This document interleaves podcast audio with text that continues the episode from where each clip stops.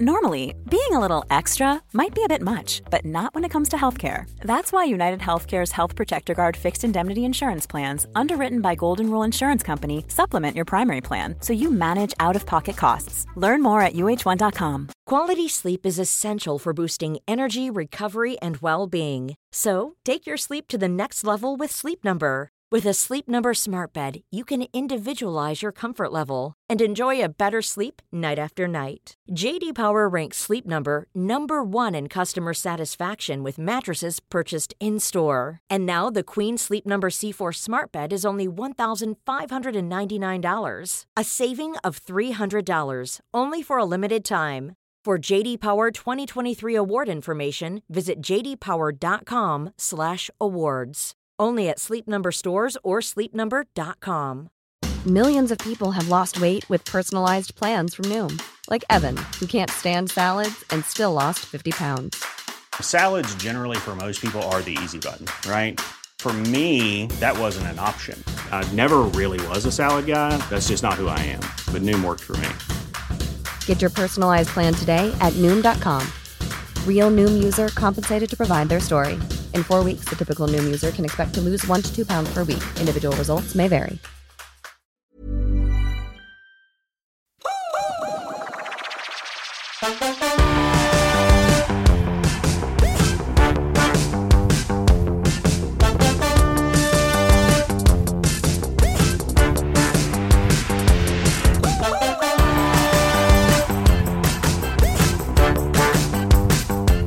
Simon Vaskes en söndagkväll. Tjena gubben. Hur, hur är läget Patrik? Tjena gubben. Jo, jag är nog mycket piggare än vad du är. ja, jag är faktiskt rätt sliten. Men, eh, Ja, men ändå nöjd efter helgen. ja alltså vi, vi får väl bara börja med att adressera vad det här är. Vad, vad gör vi just nu? Vi, vi tänkte liksom bara vara, slä, släppa ett bonusavsnitt va? Mm. Jag kom med förslaget lite tidigare idag. Jag var, jag var lite sugen på att spela in ett extra avsnitt. Och jag är ju inte svår. Jag tyckte det var en skitbra idé för att faktiskt, helt ärligt, så hade jag en jäkla massa frågor till Simon för jag var inte så insatt i den tävlingen som precis har varit. Nej. Så då varför ska jag få alla svaren och så kanske några andra också sitter på alla frågor? Precis. Så att vi tänker väl att vi kanske kan släppa lite bonusavsnitt lite då och då när vi har lite heta ämnen att prata om. Eller vad säger du? Jag tycker det är en lysande idé och då kan vi koncentrera oss på en, en grej som man lätt annars missar när man i en podd börjar prata eh, om bajsmän och allt annat. Liksom. Exakt. Så berätta om helgen nu. Ja, precis. Nu ska vi hålla fokus om en tävling som spelades i Stockholm på Court One. Har du koll på Court One till en början, Patrik?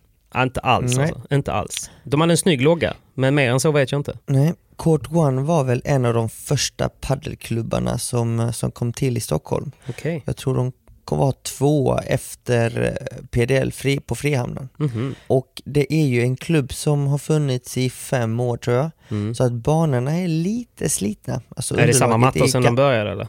Ja, precis Mm. i samma matta.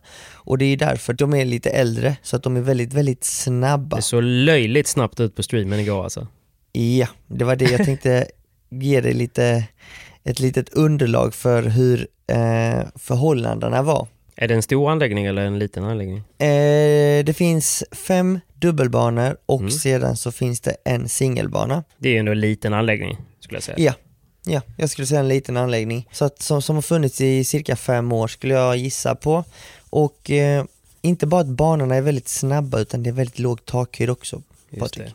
Typ, vadå? Vad pratar vi? Eh, jag tror faktiskt, jag skulle gissa på 6 meter kanske. Oh. Det förklarar också ett och annat för jag såg några gånger, ibland trodde jag att de gjorde sådana gestikulerade till Gud och liknande. Mm. Men det var takhöjden de gestikulerade till då eller? Ja, men lite så var det. Ni som, eh, som har spelat padel tidigare, Mm. ni vet ju att eh, lobbarna är ju en viktig faktor i spelet Mm. och kan man inte lobba högt så är det svårt att dra ner tempot. Ja. Så att eh, det blev mycket pang-pang-paddel denna helgen ja. och eh, som, eh, som, som många av oss som spelade så, så sa vi att det var kasinopaddel. Ja, Ni menar att det var lite mycket, mycket lotto då. Men jag, för grejen är att här för någon vecka sedan så la jag en fråga på min Instagram där jag frågade vad är det viktigaste för dig i en paddelhall? Och jag kan säga att 90% var takhöjden. Så Men självklart, takhöjden spelar ju en stor roll mm. Eh, eh, i spelet, men sen så är det inte helt avgörande. Alltså Nej, nej. när man kommer upp på höjder, låt oss säga 8 meter och uppåt, Mm. så, så spelar det ingen jättestor roll. Nej. För från och med 8 meter kan du spela bra padel och ändå lobba relativt högt. Ja. Eh, men när man kommer ner till lägre höjder på cirka 6-7 Mm. meter, då blir det faktiskt svårare att spela padel. Ja, verkligen alltså. Man måste slå sjukt precisionsrika lobbar också, så blir det väl lite snabbare lobbar till och med man kan säga. Precis, lobbarna blir lite lägre vilket Mm. gör att de i detta fallet blir snabbare. Mm. Och man spelar egentligen mer tennis skulle jag säga på Mm. padelbanan. Det blir mycket aggressivare spel. Ja, just det. Ja, det märktes ju om inte annat. Men okej, så den här tävlingen då, vad var det för tävling?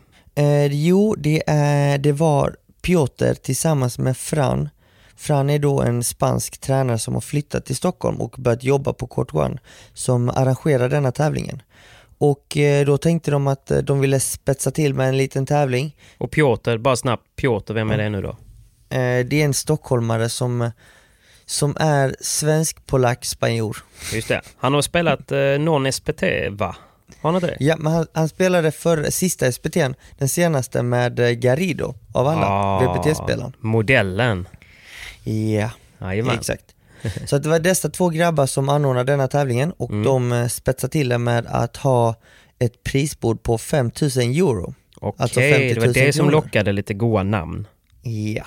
Fattar. Och det var ju därför vi hade till exempel Gonzalo Rubio som ligger Mm. runt 35 i världen. Ja. Vi hade andra spelare som Joseda, vi hade Leal, vi hade Yanguas och Ivan Ramirez bland annat. Så Simon Vasquez. Ja, Simon Vasquez, Gaetano Rocafort. Nej, så det var tufft. Ett Ja, det var ett sjukt startfält. fält alltså. Jag såg ju, Mm. jag trodde ju typ att, att eh, när jag såg att, jag följer Rubio på Instagram. Eh, Dels för att han är en väldigt bra paddelspelare och så träffade jag Mm. honom i Helsingborg när han spelade där i mars 2020. Eh, Tog några goda bilder till honom och han tyckte att jag gjorde ett bra jobb. Och sen är han ju, han är ju en gud utan kläder alltså. Har du sett hur han ser ut utan tröja eller? Mm, nej, Nej, nu blir jag... det är en välsvarvad grekisk figur i alla fall. Okej, Fysiskt ja, fenomen. Men det är sidospår. Fortsätt. ett sidospår, men eh, det stämmer säkert. Mm. Eh, det, det, det har du bättre koll på. Det har jag. Eh, så att eh, det var ju ett startfält som var väldigt tufft och sen så var det några andra par till, eh, lite mer ökända. Anton Andersson var i och för sig också med. Mm, Han är ju ett känt namn. det är Eh, verkligen. men han spelade med en av sponsorerna så att det var inte riktigt... Välgörenhetspadel då eller? Ja, ja, alltså Anton drog nitlotten, han Ja. fick spela välgörenhetspadel Mm. hela fredag kväll och hela lördag kväll så att Bjussigt av honom ändå. Ja, vi får skicka lite kärlek till Anton, Ja, det var, det var väldigt Anton. bussigt av honom. Har, Ant- har Anton en av de bästa smasharna bland de svenskarna? Det skulle jag säga. Ja, om ändå får ge han lite kärlek liksom. Ja, precis, precis. Mm. All Right. Men eh, så att eh, det var, jag tror vi var sammanlagt åtta par. Just det. Eh, Var ni alla inbjudna eller? alla var inbjudna tror jag. Så var fallet, vi blev inbjudna i alla fall. Sen så vet jag inte riktigt hur övrigas anmälningar kom till. Om Nej. det var inbjudningar eller om de hör av sig själva till, Mm. till Piotr och Fran. Lite oklart. För när planerades detta? För jag har ju inte hört mer eller mindre någonting om det. Jag vet att Padel Direkt eh, hade gjort en liten artikel om det för ett par veckor sedan. Så att eh, lite, du har säkert missat men, Ja, men du har säkert hört lite grann också. Ja. Men strunt samma, tillbaka till tävlingen. Två Ja. grupper, fyra par i varje grupp Mm. och vi hade poolspel då på fredag kväll. Så att eh, vi tog oss vidare till semifinal. Vilka hade ni då då? Eh, fram till semifinal så hade vi två locals eh, Mm. från Stockholm. Men hur, hur gick den matchen då? Nej men det var lugnt. Det Promenad. var lugnt. De, Promenad? de första två matcherna var bra, Mm. sen sista tredje matchen i fredags var mot Yanguas och Ivan Ramirez och det gick mindre bra. I gruppen? Ja, där, Ja, men där var, det, där var det en del som skrev till mig att, eh, att ni tankade. Vad betyder det? eh, tankar är väl när man inte kämpar, när man nästan förlorar med mening. Så typ man kan väl säga att, att eh, så om man säger att ni skulle ha tankat så kommer folk Mm. ställa sig frågan men varför tankar de? Och i ett gruppspel när man redan är klar att gå vidare så skulle man hypotetiskt då kunna säga att man gör det för att spara kraft eller? Ja alltså grejen var att vi var rätt så trötta för vi hade tränat med Bela på förmiddagen först och sen så eh, hade vi två matcher sent på kvällen för att tävlingen drog inte igång förrän 20.00 på kvällen. Mm. Och efter två matcher, så jag tror att den tredje matchen skulle vi spela runt 23-23.30 tiden. Ja. Så det var ju rätt så Fattar. sent på kvällen och vi var trötta och slitna och jag var fortfarande lite jetlaggad från Maldiverna. Just det. Så att, eh, men jag tyckte ändå jag försökte göra mitt bästa. Ja, ja, ja. Sen- Absolut. Det säger men, ingenting om. eh, det- Jag såg faktiskt inte matchen så jag kan, inte, jag kan liksom inte uttala mig men ja. Nej, precis. Men eh, strunt samma, vi, vi, gick, vi, vi gick vidare. Tvåa i gruppen helt enkelt vidare till lördag. Precis, exakt. Bra summerat Patrik. Eh, och sen på lördag så skulle vi spela mot José Sanchez och Javi Leal. Två spanjorer som är väldigt välmediterade. Ja. Eh, Joseda har bland annat kvalat in i rätt många World Padel Tours. Mm. Så att eh, det är en rutinerad spelare som ligger runt, jag tror 70-80 snåret. Wow. Eh, Mm. Har legat lite bättre. Mm. Sen så har vi Javi Leal som är en ung, ung talang på bara 17 år. Okej. Ligger eh, runt 150 om jag inte minns fel. 140 Man blir ibland, kanske. man, ibland blir man helt matt över hur många det finns Mm. i det skiktet som man inte har någon aning om, som bara är sådär löjligt bra. Ja men så är det, alltså i Spanien Ja. kan du hitta tusen spelare som borde spela World Padel Tour som inte spelar Mm. World Padel Tour men ändå håller den klassen. Men det var, jag, förlåt att jag sidospårar igen, men jag kommer Mm. ihåg, för igår jag satt och snackade med Pablo om detta, för vi kollade ju på det här eh, matchen ihop. Och då sa han det att när han var i Paraguay och spelade VM, så spelade han och Anton mot två helt okända eh, i Paraguay och fick Mm. liksom inte ett game. Nej, Han bara- de blev och det- nollade tror De jag. blev nollade och han bara, det finns tusen personer som de här här. Bara det att de har inte råd eller möjlighet att åka på VPT. Ja, men li, lite så är det och Mm. konkurrensen är tuff, prispengarna är ju väldigt låga Mm. så att eh, många som, som kanske hade kommit långt chans, i liksom. World Padel Tour inte spelar för de ekonomiska Och så är det nog i många sporter, om inte, inte Mm. minst tennis. Jag menar det är också en dyr sport att, att åka på tour med och och annat. Ja men så är det. Ska man nå toppen så måste man ju spela alla tävlingar och ska du spela alla Precis. tävlingar så innebär det många resdagar och boende på, på hotell och det ena och det andra. Så Ja. det kostar en, en hel del att kunna satsa på, på sporten. Verkligen alltså. Och där, ska vi, där kan jag ju faktiskt säga att vi svenskar är ju, ska ju vara väldigt tacksamma. Mm. För vi har ju folk som stöttar oss bra från Sverige. Och alla möjligheter också liksom Mm. och fina anläggningar och hela den biten. Så att eh, då, då var vi klara med första dagen. Vi gjorde två relativt bra första matcher, en Ja. sämre tredje match, men vi var vidare till semifinal. Och nu skulle vi möta Joseda Sanchez och Javi Leal. För jag minns ju lite sidospår, eh, Joseda mötte Mm. jag i en crossduell för ett halvår sedan, Okej. utomhus. Hur, alltså, Eh. vad, I vilket sammanhang? Eh, träningssammanhang faktiskt. Eh, Du var i Spanien, i, eller? Vad sa du? Du var i Spanien eller vart? Nej, han var faktiskt i Sverige, uppe Ah. i Stockholm. Så att då tränade jag faktiskt en hel vecka och han krossade mig vartenda pass. Så jag hade ingen chans. Alltså Patrik, när jag säger ingen chans så hade jag ingen chans. Jag vet inte varför sånt gör, gör mig lite, lite glad. Men eh, okej. Märkligt. Men i vilket fall. Eh, så att jag var ju väldigt nervös inför denna matchen och Ja. med tanke på att jag inte spelat en riktig tävling på ett tag så, så kom ju också de nerverna eh, in i, i spel. Såklart. Så att, Men det var att, därför eh, jag blev lite förvånad att du inte berättade någonting om den här tävlingen när vi spelade in förra podden. Ja, ja men nej men grejen är att jag, jag ville inte göra en så stor grej av det för att jag visste, jag visste inte hur stor tävlingen skulle vara eller hur seriös. Nej.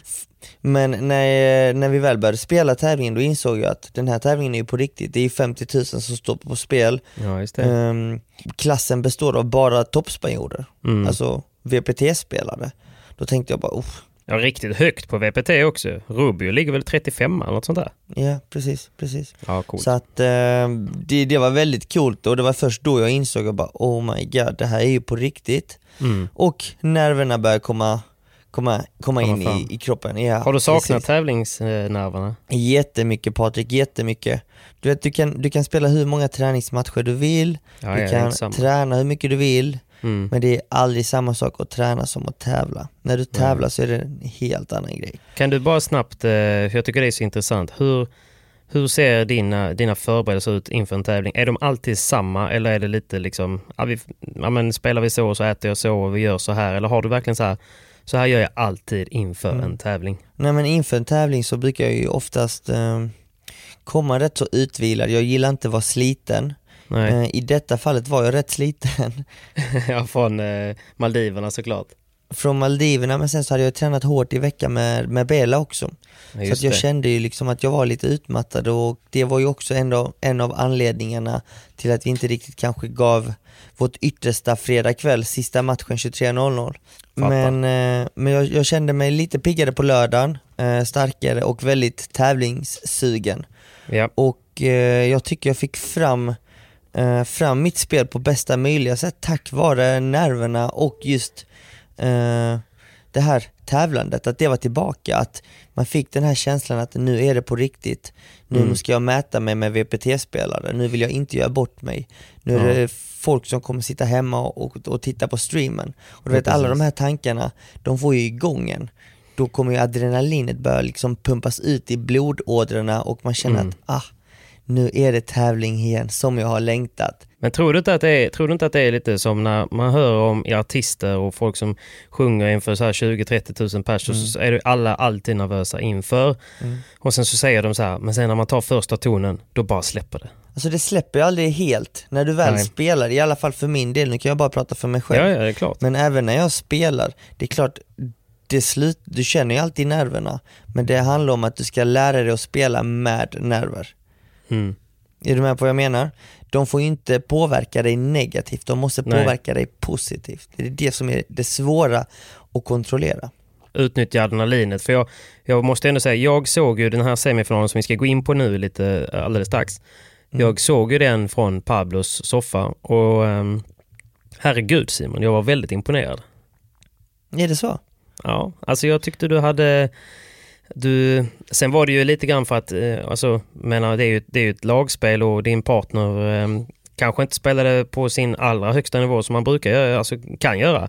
Och då eh, är det ju upp till dig att antingen höja honom eller höja dig själv eller i alla fall ta lite mer ansvar och eh, det tyckte jag verkligen du gjorde. Ja, ja men eh, det, det kändes extremt bra. Alltså jag är ju väldigt, väldigt nöjd med min prestation. Mm. Och om vi, om vi pratar om denna semifinalen, Yes. som jag nämnde tidigare, José, det hade jag inte en chans mot för sex månader sedan. Nej, Och när vi klev in i denna matchen så kände jag bara, oh, det här blir tufft. Jag har såklart. förlorat mot bägge dessa spelare på träningar ganska stort. Mm. Jag känner mig, mm, okej, eh, låt oss se vad, vad, vad vi kan göra idag. Mm. Och när vi började spela i matchen så var vi bägge väldigt nervösa, det sa vi innan vi gick in. Både du Att- och Cayetano. Ja, precis, jag och Ja. Vi bägge var nervösa. Och så Ja. började matchen. Och jag började spela faktiskt väldigt, väldigt bra från boll 1. Och Ja. Cayetano kanske inte spelade på 100%. Han var Nej, inte- Det kändes som att han hade ett ganska så här, du vet, det här gamla som vi pratat om tidigare, det här lite tråkigare kroppsspråket och Mm. så här, han, det lät som att, det kändes på streamen som att han gnällde på dig, gnällde på banan, gnällde på motståndet. Det är så. han var inte Ja, han, riktigt där. gnällde fakt- han gnällde faktiskt inte så mycket på mig just den matchen med tanke på att jag spelade så bra som jag gjorde. Kroppsspråket var ändå mycket, vet, när, när han missade någonting så var det att han var tvungen att ta en boll bakom dig och att han vet, gjorde den här eh, flaxade med armarna liksom eh, mot Mm. dig lite grann. och Sådär. Din klassiska Fiskmåsen. Klassiska fiskmåsen. Det var Ja. det jag sökte.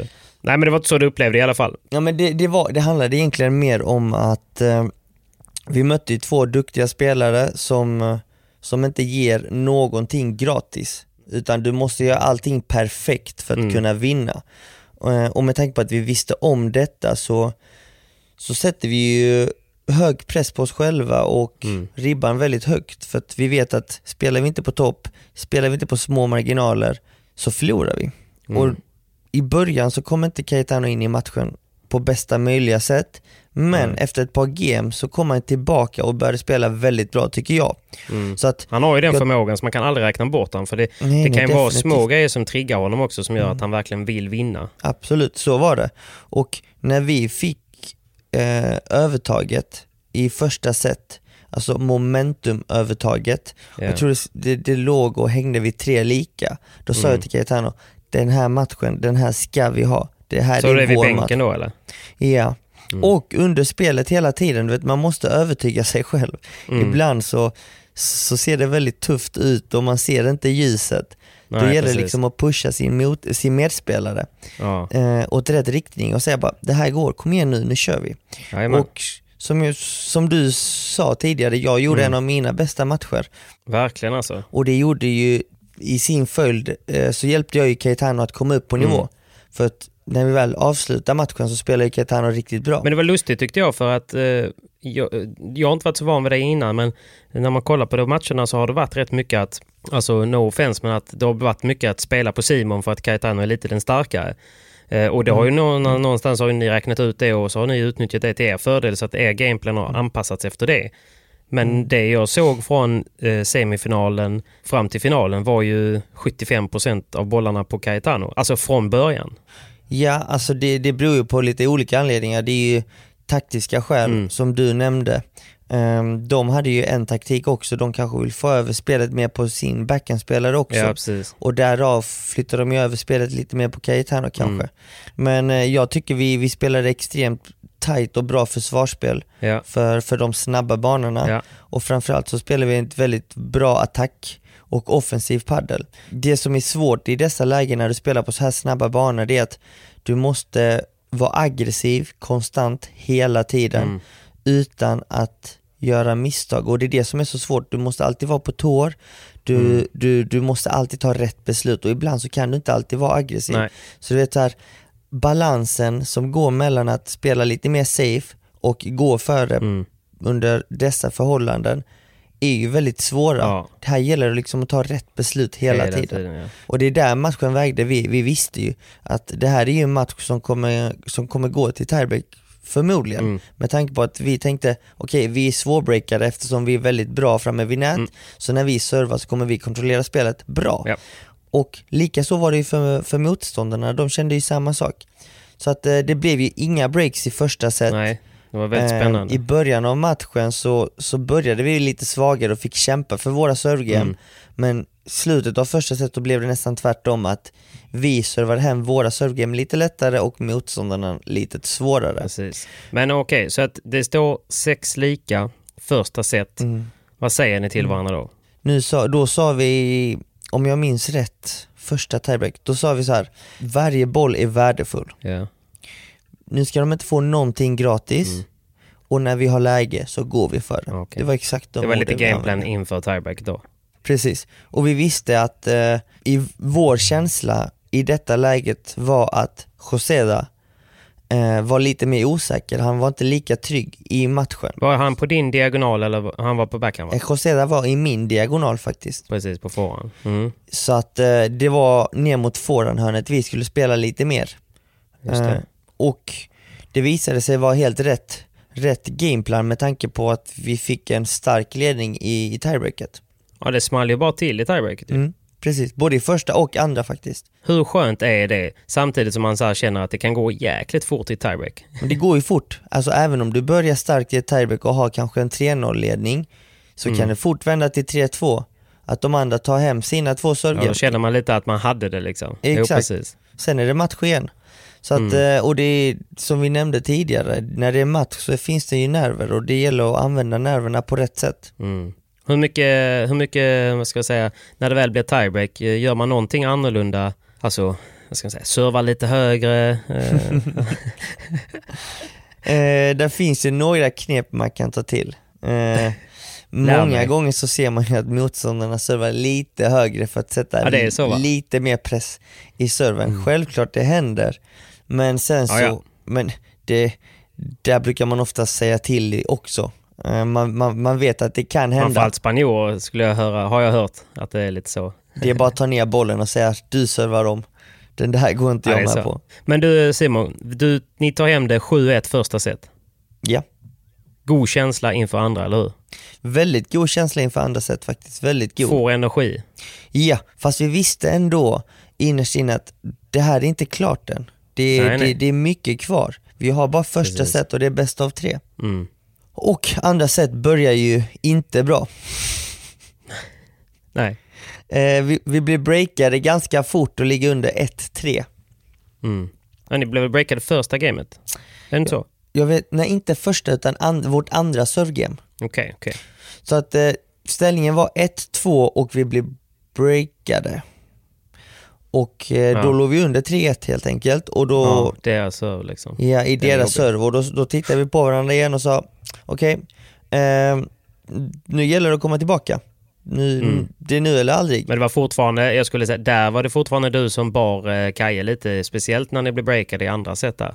Ja men där började han hänga lite med huvudet. Men eh, där visste jag att okej, nu, nu, nu måste jag få med mig honom i matchen för att får jag inte Ja. med mig honom så försvinner detta sättet och, och i tredje Mm. sättet kan vad som helst hända och det vill vi inte. Vi vill inte gå till Nej. tredje set utan vi vill vinna denna matchen i två set.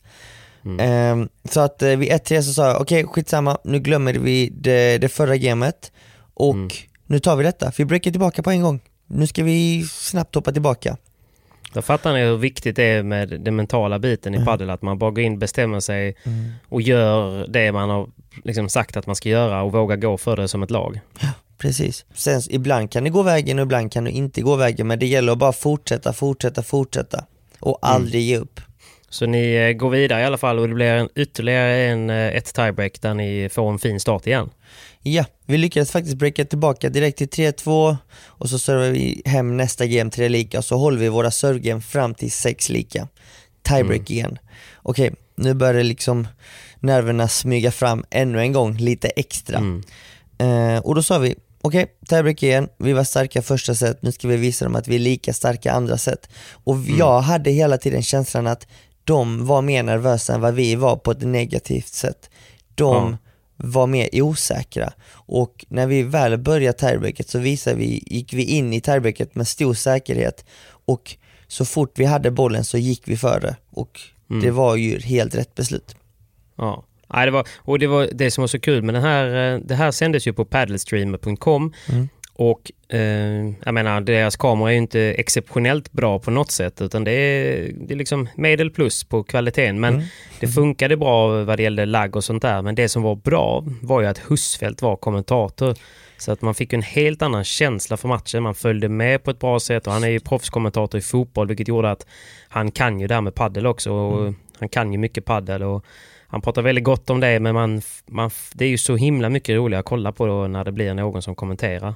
Ja såklart, och det var ju en detalj jag inte visste om och jag har inte sett den matchen än faktiskt. Jag har inte fått Mm. höra vad eller hur eh, Husfeldt har kommenterat men jag har hört från väldigt många jag känner att han gjorde en väldigt, väldigt bra match han med. från Ja, sidan av gjorde- banan. Han gjorde, han gjorde två riktigt bra dagar ska, Ja. ska tilläggas. Ja. Långa dagar för honom, sitta ensam i Spanien och kommentera eh, liksom, eh, en stream. Precis. Nej det, det, det, det gör ju, man får ju en helt annan känsla och feeling som, Ja. som supporter eller tittare när man tittar på en match. Om, om man har en bra sportskommentator så får man Precis. ju lite mer känslor. Nej, det var fantastiskt. Men du, ni, ni tar hem tiebreaket, ni går vidare till final och klockan är mer eller mindre 22 och 15 eller något sånt där när ni vinner den matchen. Ja men precis, jag tror klockan var faktiskt 22.15 exakt och vi visste Mm. att finalen skulle spelas 23.00. Så Jag trodde hade, det var ett skämt. Nej, jag, jag också, men så var det inte. Så vi hade 45 minuter på, på att springa iväg, duscha snabbt, få i oss någonting. Mm. Ehm, och sen, Vad käkade ni då? då? eh, vi käkade ett par mackor bara. Ja, Något Perfekt. litet, det var inte så mycket, vi hann inte käka Nej. så mycket. fattar. Ehm, och eh, det var ju bara att försöka ladda om och du vet, det, det, det är en svår grej med paddel och alla andra sporter tycker jag. Det är när Mm. du har två matcher en och samma dag. För att går det bra så är det ju svårt att varva ner och ladda om inför nästa match för du har oftast inte mycket tid. Och i detta fallet så hade vi ju extremt lite tid skulle jag säga. För vanligtvis så har man en till två timmar i alla fall, Mm. minst mellan matcherna och nu hade vi 45 minuter. Så att det var ju tajt med tid, vi hann ju Mm. knappt varva ner innan vi skulle eh, hoppa in och spela nästa match. Så att det var ju Mm. egentligen bara liksom att switcha on matchmode så fort matchen var slut. Du bytte ju inte ens om såg jag. Du hade inte ens en möjlighet att byta om, byta kläder liksom. Jag bytte faktiskt kläder, det är bara att jag har fått lite extra, extra samma sets samma av Adidas. uppsättning då helt enkelt. Ja. Eh, så att eh, det, det var tufft och eh, det Ja. kände vi när vi började bolla in i finalen att vi har ju inte fått tillräckligt mycket tid för att hinna ladda om mentalt Nej. för denna matchen för att även om du är förberedd fysiskt så, så hinner du inte alltid förbereda dig mentalt inför matchen. Och det jag alltid gör inför varje match, varje tävling, det är ju Mm. att jag försöker se matcherna framför mig dagar innan. Så låt Det är oss säga att nu när jag ska möta Pierre och Viktor på fredag Ja. eh, på, i Kungsbacka, den matchen kommer jag ju liksom eh, ligga här hemma i min säng och, och, och se, visualisera den matchen. Ehm, och det hade vi inte tid med nu så att det var ju en negativ faktor att jag inte kunde ladda, ladda inför finalen som jag brukar göra. Och likadant så Cayetano. Och det var inga dåliga gubbar vi hade framför oss. Nej. För Alltså, vilka hade vi framför oss? Jag hade, hade faktiskt bara koll på Miguel Yangas såklart. Vi hade Miguel Yangas som, som har kvalat in i typ hälften av World Paratours Han tävlingarna. är ju glödhet. Han är ju på... Han är ju liksom verkligen posterboy över framtidens paddel. Ja, precis. 2020 så kvalade han in i ungefär hälften av tävlingarna, men hans partner har gjort ännu bättre resultat. Ivan Han Ramirez. galen ju. För att Ja. de, de spelade inte ihop förra året, så att Ivan Ramirez har faktiskt gjort åttondelsfinal i två eller tre World Padel Tours förra året. Det innebär okej. att han kvalade in och vann en match i huvudtävlingen. Och Mm. det gjorde han i två eller tre tävlingar förra året. Eh, Så att vi kände, okej, det här är två killar som har gjort bättre resultat än vad vi någonsin har gjort. Och Mm. de är lika gamla. Jag tror de fyller 20 i år. Och det är Ja, ju men- liksom paddens eh, talanger nu som alla är det för snackar om. gubbar liksom? Ja visst. Så att eh, man har ju lite respekt för dem. Och det ska Ja, man ha. Och jag Och har de hade sett också haft lite mer återhämtning än vad ni hade haft. lite grann men ändå inte överdrivet mycket. Så att eh, Nej. de hade kanske väl en kvart mer än vad vi hade. Men, Mm, okej. men En lite lättare match då, så kan man säga. det hade de. Det hade de. Eh, Men så att tillbaka till själva matchen i sig så var de ju storfavoriter. Så att vi Ja. kände så här: okej vi går in avslappnade, vi är underdogs, det är bara att spela. Mm. Och sen så gick det väldigt fort Patrik. Det gick väldigt fort i matchen. Men det måste också, för eh, du pratade lite om takhöjden här tidigare och båda två är väl 1,90 skulle jag säga. Nej, Även om de är smala. De är inte jättekorta killar. nej eh, Miguel Yanguas är ganska lång. Han skulle Han jag säga kanske är 1,90. Men hans partner är väl lika lång som jag Okej. är. Kan jag säga så?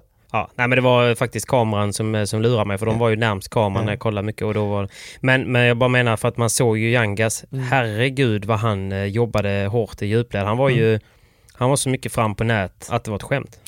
Ja, men mycket av spelet när du spelar i dessa för, förutsättningar, när banan Mm. är snabb och taket är lågt, det är ju att du vill ha nätet hela tiden och när du, vill ha, när du har nätet så vill du inte tappa nätet, alltså du vill inte bli överlobbad. Så när du väl är framme på nät så gäller det att trycka till volleyn ordentligt varenda gång samtidigt som du ska vara extremt beredd på att backa. För att om lobben skulle komma så måste du backa extremt snabbt för att lobben kommer vara snabb eftersom takhöjden är låg. Så Mm. att det, det, den där, just det där att hålla nätet i detta läget var ju tufft för att du måste jobba extremt hårt med fötterna och blir du överlobbad då hamnar du i underläge för du har tappat nätet. Jo precis, men det är, där, det är kanske lite lättare då att våga vara aggressiv fram om du är lite längre när det inte finns så bra takhöjd. För Mm. att du måste ju slå ganska, vad ska man säga, snäva lobbar, vilket gör att är du då lång och jobbar fram Mm. så ja, det är svårt. Ett, det är svårt att lobba honom och Mm. två, om du lyckas lobba honom så hinner han ju tillbaka, Mm. även om inte han kan attackera. Ja men precis, så det här hade han ju självklart en fördel av sin längd. Eh, Mm. Sen så brukar man ju oftast också säga att de längre rör sig lite sämre. Ja. Eh, men Yanguas rör sig väldigt bra. Så Det han, roliga med, det roliga med Yangas är att han, det ser inte ut som att han rör sig speciellt bra, men han läser ju spelet Mm. fruktansvärt bra, vilket gör att han inte behöver röra sig speciellt mycket. nej men precis, de spelar ju extremt bra, de kontrollerade tempot och taktiken väldigt, väldigt bra och gjorde oss sämre. Det, det var deras starkaste sida. Men hade ni någon taktik? Hade ni någon gameplan när ni gick in i matchen? Och hur? Ja, men vi hade ingen spikad gameplan för vi visste att det var lite kasino, det är tufft. Eh, vi visste var vi skulle slå lobben, vi visste att vi skulle spela tufft från bakplan, låga bollar. Eh, och sen när vi väl hade nätet så skulle vi gå före. Det var gameplanen, för mer än så kunde vi inte ha innan matchen. Utan vi var tvungna att se efter när matchen väl började. Mm. Eh, Men det de gjorde var så bra att de förflyttade oss extremt bra. Ut med mig åt ena hållet, ut med Cayetano åt andra hållet, öppna upp luckan i mitten, locka in oss i mitten, ut igen. Du vet, de spelade så extremt snabbt, bra och tog rätt beslut hela tiden så att de gjorde oss dåliga. Ja. Och det det, det, det är exakt det man vill göra när man möter ett annat par. Man vill ju göra det motståndarna dåliga och sig själv bättre. Så att eh, jag var faktiskt väldigt imponerad efter finalen, måste jag säga. Jag gillar inte förlora, eh, Nej. jag hatar det. Ja, men det stod upp bra. Men det är bara, det är bara hatten av till, eh, till Yanguas och eh, Ramirez som, som gjorde en extremt bra tävling. Ja, Och- de gjorde det jättebra. Jag blev chockad i finalen hur bra de spelade, måste jag säga. Men jag blev också chockad över hur bra ni stod, stod upp mot dem. Pratade ni någonting efter att ni hade spelat? Ja, vi snackade en del. Eh, vi snackade även en del idag för att nu är jag ju hemma i Helsingborg och de är faktiskt på väg ner hit nu. Nej, vad kul. Så att vi ska faktiskt träna hela kommande vecka i Helsingborg. Så att eh, Shit alltså. det ska bli Vad kul. roligt. Mm. Så att eh, då kommer man nog faktiskt lära sig ett och annat. Mm. Jag ska också till Helsingborg på onsdag faktiskt. Mm, vad ska du göra här? Så att eh, du, jag ska, jag ska spela in lite roliga grejer med eh, Danne Windahl. Trevligt, trevligt. Då kanske vi ses på en kaffe eller något. ja, det har varit kul. Men eh, vad skulle jag säga, bara snabbt innan vi avrundar här nu, nu blev det lite längre än planerat bara för att det är så sjukt intressant att höra om tävlingen. Men hur, för Kaje fick ju nästan bryta matchen eh, av fysiska smärtor. Ja, i finalen så, jag tror det var i andra gamet, så skulle han Ja. hoppa upp och smasha. Och då fick han en liten sträckning i benet. Och det var Okej. exakt samma ben som han har haft lite problem med nu under försäsongen. Han har Ja, haft lite bekymmer i högerbenet och det var just där det drog till lite så att han hade, han hade det tufft i finalen på så sätt också. Det kändes ju lite som, det var någon smash eh, på Kaje eh, från Yangas och hans partner där det liksom inte kom upp någon näve efteråt. Det kändes lite som att det fanns en, eh, en spansk inbördes eh, liten grudge däremellan. Ja men de, de, eh, de hade några bolldueller där, där de gick mot kroppen. Och det var ju lika Ja. så, lika mycket som Kaje Ja, gick ja. på kropp eller, eller de andra mot kropp. Så, så, För så Kaje det- hatar ju verkligen att förlora. Ja, ja han hatar förlora och de andra med. Och Så att eh, jag bara tänker på hur var stämningen efter, efter allt, om man säger. ja, men, Efter matchen och hela kalaset. det var som vanligt, du vet när vi förlorar då är det bara att ta väskan, åka hem och, och gå och lägga sig. Så att det, det var ju inte många ord efter matchen förutom att vi sa till varandra att vi gjorde vårt bästa, de var extremt bra idag, vi kunde inte göra mer. Och då är det bara att blicka framåt och träna hårdare och lära sig att spela mot spelare som spelar på det sättet som de gjorde igår. Ja, ja, men så att man ser det lite som inspiration istället, eller hur? Definitivt, definitivt. Vi tar det som en lärdom och det är ju bra, det är fortfarande försäsong kan man ju säga. SPT har ju inte dragit igång och inte VPT heller så att även Nej. om det var en tävling så är det ingen tävling med rankingpoäng så att det var en väldigt nyttig tävling för att komma in i tävlingssammanhang, få tillbaka nerverna och eh, få känna på eh, tävlingsbollen helt enkelt. Jäkligt kul att eh, få se dig tävla igen Simon. Det, eh, det händer ju någonting med dig när du kliver ut på eh, en tävlingsbana kontra träning och sånt där jag oftast ser dig. Så att det, det är jäkligt roligt att, att se den gnistan. Och den gnistan ska ju förhoppningsvis komma tillbaka redan nu den kommande veckan. Jaså? För vad ska jag spela då någonstans Patrik? Berätta. Nej, då ska jag faktiskt spela Studio Padel. Just det, herregud, jag glömmer att det redan är på lördag, ja på fredag, lördag. Fredag, lördag. Så på fredag så kommer jag och Caetano möta eh, inga mindre än Pierre Bonfré och Ja, Viktor Stjern. Viktor Stjern.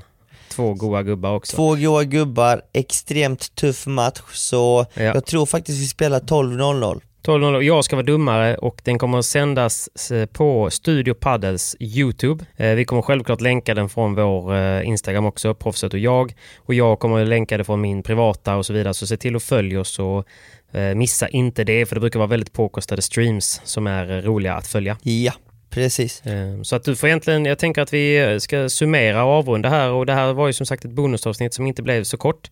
Nej. Så att eh, vi, ni som orkade hålla kvar så här länge tackar vi för. Eh, och ni som, eh, som eh, lämnade innan, eh, vi eh, klandrar inte er för det helt enkelt.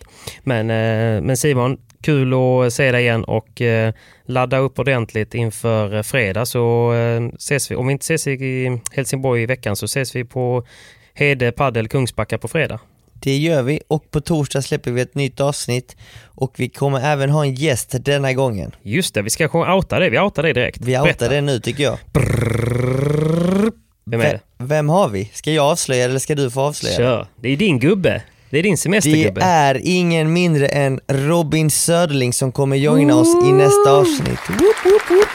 Så att eh, Wow. Det eh, det här var en, eh, ett kort avsnitt. Det långa avsnittet kommer på torsdag där vi ska snacka Ja. eh, med den före detta världsfyran i tennis. Ställ alla frågor ni har till Robin Södling. Vi vill höra vad ni vill höra om Robin Södling som är en legend i Sverige.